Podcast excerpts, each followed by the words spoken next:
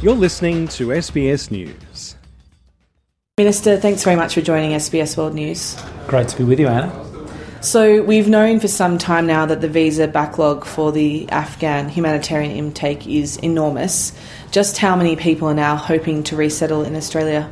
Well, demand has been absolutely unprecedented. At the moment, we have uh, registrations of more than 200,000 individuals. We're working our way through this.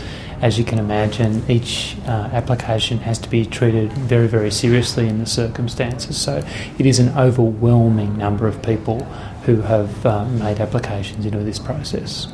And out of that cohort, how many have received a permanent visa here in Australia? Well, people are at various stages of the journey. Obviously, the first stage is registering these um, expressions of interest. As you'd be aware, we uh, evacuated around 6,000 people uh, at about this time last year, uh, and we are working our way through this process, which has a number of stages. I think this year about 1,100, this, fin- this financial year, sorry, around 1,100 uh, uh, visas have been issued. And that's out of the 210 now thousand applicants that have put in a humanitarian visa request? Yes. And how many have come to Australia through that evacuation process and now uh, been given a, a permanent visa? Well, that, that 200,000, though, which is, you know, uh, somewhere around about 50,000 applications covering that number of people through family groups and the like, is a process that takes quite some time to work through. We have got a task force which is progressing through the registration phase and then the further stages to go through. You have made some attempts to deal with this backlog. You've talked about extra staff, but surely when you look at the clear facts here, including the fact that only half of the applicants have even been registered in the computer system, what do you need to do now to get resources in to deal with this? We're applying uh, an enormous number of resources to this problem because it is an incredible priority for the government. I think everyone in this government, and indeed in the former government across the Australian community, recognises the moral obligation we owe to the people of Afghanistan. We have applied additional resources, a task force to deal with this registration process, and, and also overtime has been made available to ensure that we're getting through this as fast as possible, obviously making sure that each uh, individual application gets the attention it deserves and needs. Applying extra resources is quite bureaucratic speak. What does it mean in terms of extra staff and how you're actually going to attack this task? Are hundreds of additional members of the Home Affairs team now just focused solely on this? What's what's the reality? Yeah, there, there is a task force that's focused on this, and additional resources are being applied through overtime and other devices because this is an incredible priority. You, in fact, in your own words, said that the fact that families uh, of people with interpreter status in Australia being separated was a disgrace. You said that at the front of Parliament. Uh, those who assisted Australia's military and diplomatic corps first in the queue for these humanitarian visas? Yeah, we, we are prioritising those locally engaged employees. Those people who helped Australians through the 20 years that we were involved there are the highest priority. So they are the highest priority. The message in the community at the moment is that people with links to Australia will be given precedence, but there have been some reports from within the community that they feel like there's been a big slowdown in the interpreter uh, visa process. Is that correct? Have things slowed down? Well, what I'm hearing from community members is obviously a high level of anxiety, and particularly as we approach the, the anniversary. This is a very difficult time for the Afghan Australian community. I'm trying to work my way through through listening attentively to all of these individual voices, any concerns people have. But locally engaged employees, people who worked for Australia to support Australian efforts, are the highest priority. We've had news in the last couple of weeks of at least one Taliban killing of someone waiting in the queue. What's your response to that?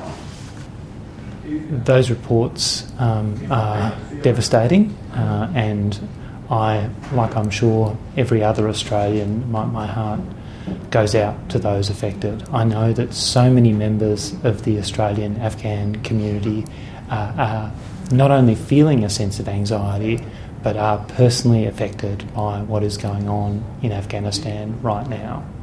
Um, that is one of the reasons why this is such a priority for our government and indeed for the previous government, and why we've made the humanitarian commitments we've made, and of course the commitment to the additional intake for uh, people from Afghanistan.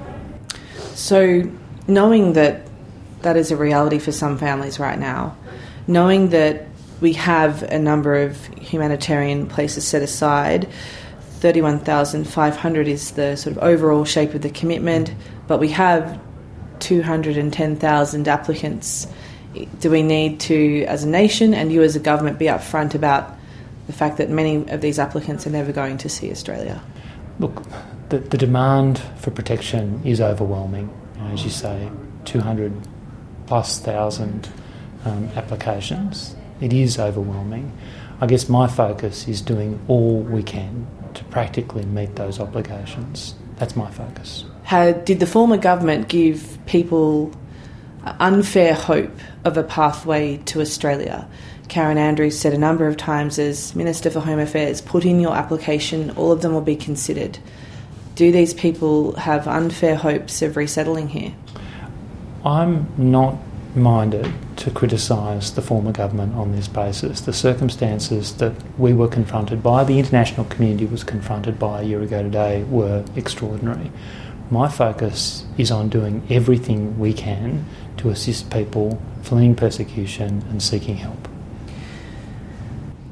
In terms of the family aspect of this, the people who already have members of their family in Australia, this is a huge issue in the Afghan community, and as I said, you described it as a disgrace that families have been separated. At the moment, there is a family in Texas uh, who are in a refugee camp. They their family member worked for Australia as an interpreter with the military, and another member of their family already lives in Australia, and he was an interpreter. Why would a family with that incredibly strong tie to Australia not be here? Oh, Anna, as you probably would appreciate, it's very difficult for me to comment on those circumstances when I don't have knowledge of them other than what you've just put to me now. Mm-hmm. Um, obviously, I would be interested in looking into the circumstances of that family and those cases, um, as I have been doing for many uh, issues that have been raised with me by Afghan Australians and by others in the community who care for people in Afghanistan we're happy to provide you with those details. There is, in a broader sense, a feeling amongst some Afghan Australians that when the Ukraine conflict began, it seemed like there was a very quick process to get a lot of Ukrainian Australians out. Do you feel like the conflict in Ukraine has been prioritised over the risks that people face in Afghanistan? No, I don't. Um, both of these conflicts are matters of grave concern to the government, uh, to me, and to the Australian community. Uh, I don't believe there's a there's a choice to be made. I don't believe there's a choice that can be made in these circumstances. What I am very focused on is our particular obligation to the people of Afghanistan, given Australia's very long involvement in that conflict, and my engagement with so many Afghan Australians over the relatively short time since I've been the minister has redoubled my focus as I've listened to, you know, some very challenging and harrowing stories and the depth of concern that is expressed to me. The budget's coming up. Are you lobbying the Treasurer to see an increase in the humanitarian intake? Because this is as much a financial question as it is a matter of numbers, isn't it? Yeah, look, I mean, the budget process I will let speak for itself, and I won't make my submissions uh, through this conversation, Anna.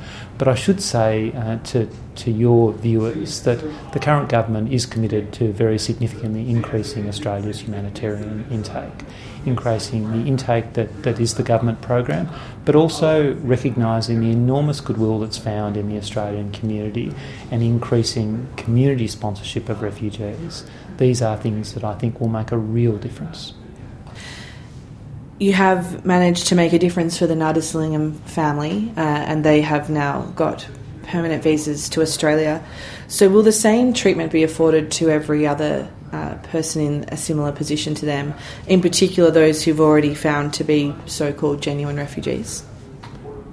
In terms of the Nuttall family, um, that's a decision I made after carefully considering their circumstances um, in accordance with the powers that I have under the uh, Migration Act. Um, these are matters which will always be attended to on a case by case basis.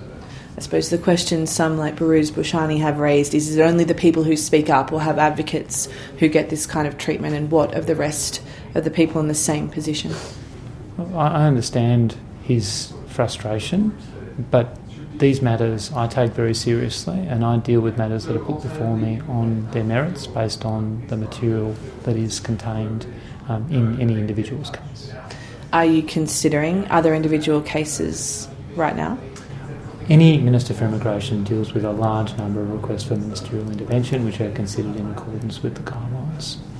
You're not willing to speak about any particular decisions that you might It wouldn't be, be appropriate for me to discuss matters that are before me.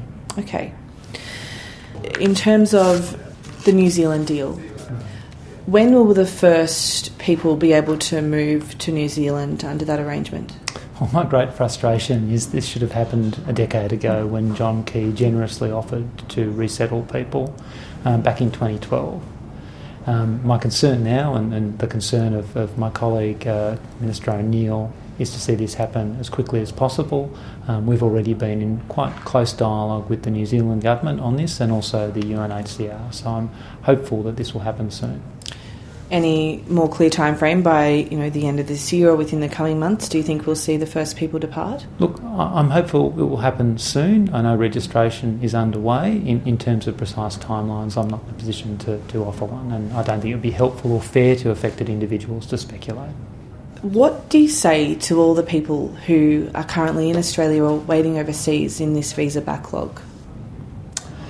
Uh, I think it is a great challenge for the affected individuals, and whether it's someone who has been waiting for some time, whose application was paused due to the pandemic, uh, who's hoping to come here and study, whether it's someone who wants to share their skills with an economy that is facing a skills crisis, it's a real challenge for those individuals. It's also a huge handbrake on our economic recovery and that's why this is such a high priority for this government and for me as the immigration minister to get this visa system moving again.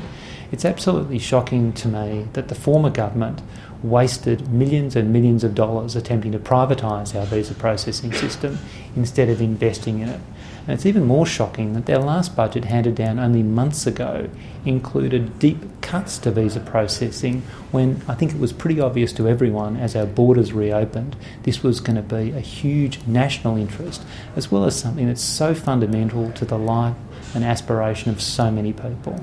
Now, that budget also included some additional savings to be made by restricting access to Medicare and Centrelink for some people in the system.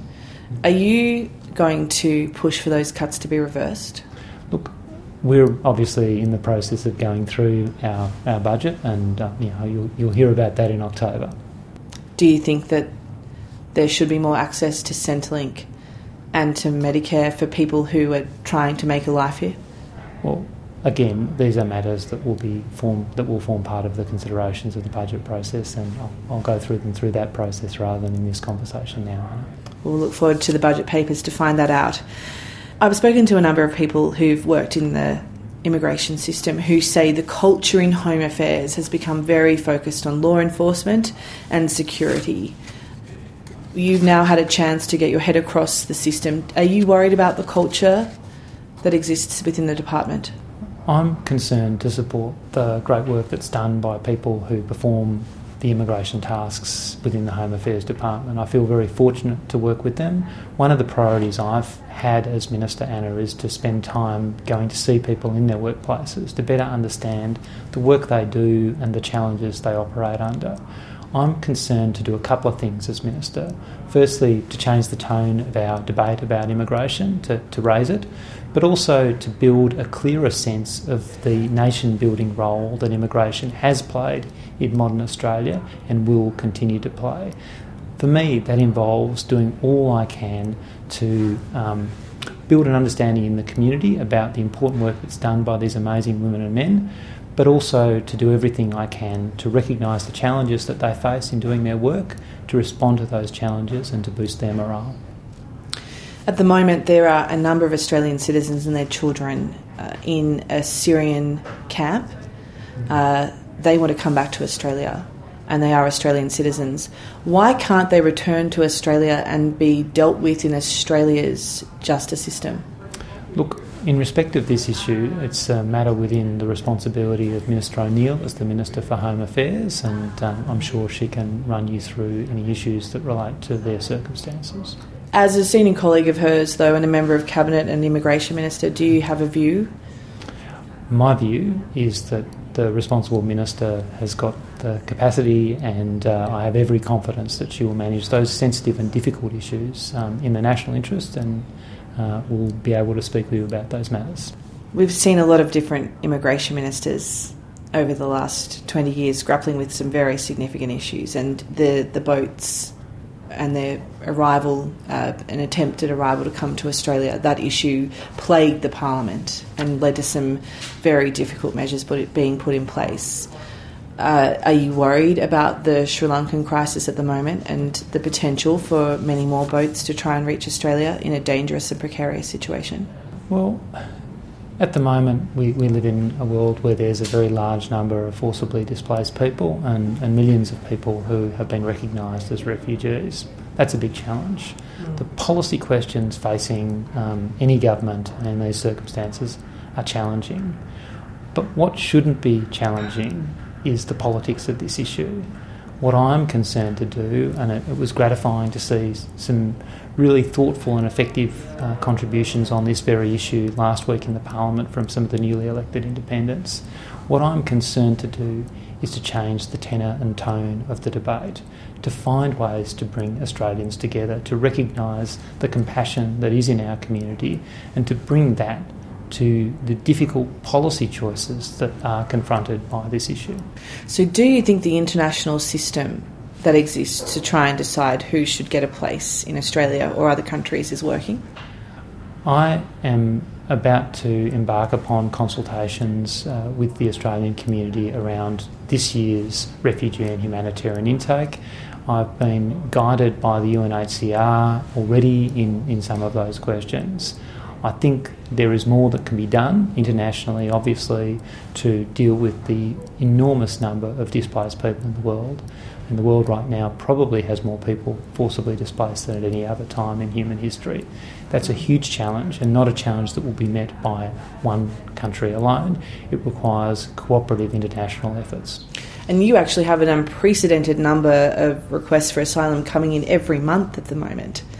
Uh, how are you dealing with all of these challenges in terms of deciding what your priority focus is? Hmm, it, it, it is a huge challenge. I mean, one point I'd make is that we need to have a non discriminatory approach to these questions. I think that's really fundamentally important. But obviously, uh, responding to these issues requires um, close attention to international obligations, to the law, and thinking about the policy choices that are open to us. So, what do you want your legacy as Immigration Minister to be? I would like to stay in this post for some time. It's a great privilege to play uh, this role in the Albanese Labor government. The two things I would like to see happen over my time is to see a, a change in the debate nationally we have over refugees and people seeking asylum, to recognise that we're only going to build uh, we're only going to build a policy consensus if we take away the recourse to treating vulnerable human beings as political footballs, if we come together in our shared interests. The other thing I really want to do is to build a clear sense of the immigration portfolio as a nation building portfolio.